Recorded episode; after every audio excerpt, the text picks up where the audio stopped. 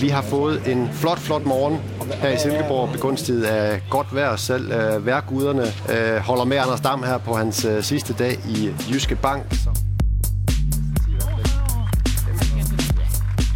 Anders, tak.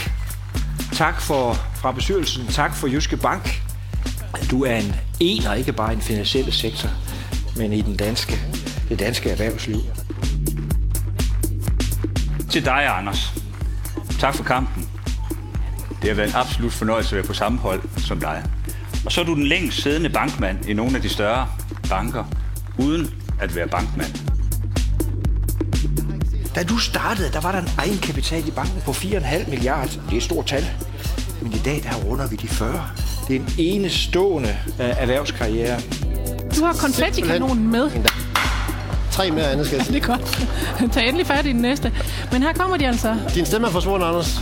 Så, Det, det nytter næsten ikke noget med den mikrofon der, var, fordi der er Nej. ikke noget stemme. Nej, det er, det er utrolig uheldigt, at en mand, der har haft så, så, så, så meget på hjerte, Har så mange ord.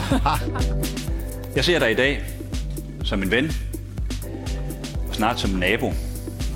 Hvis du opfører dig ordentligt, er der rødvin, og hvis du ikke gør, så er der tysk slakkermusik, som kan genere hele din sommer.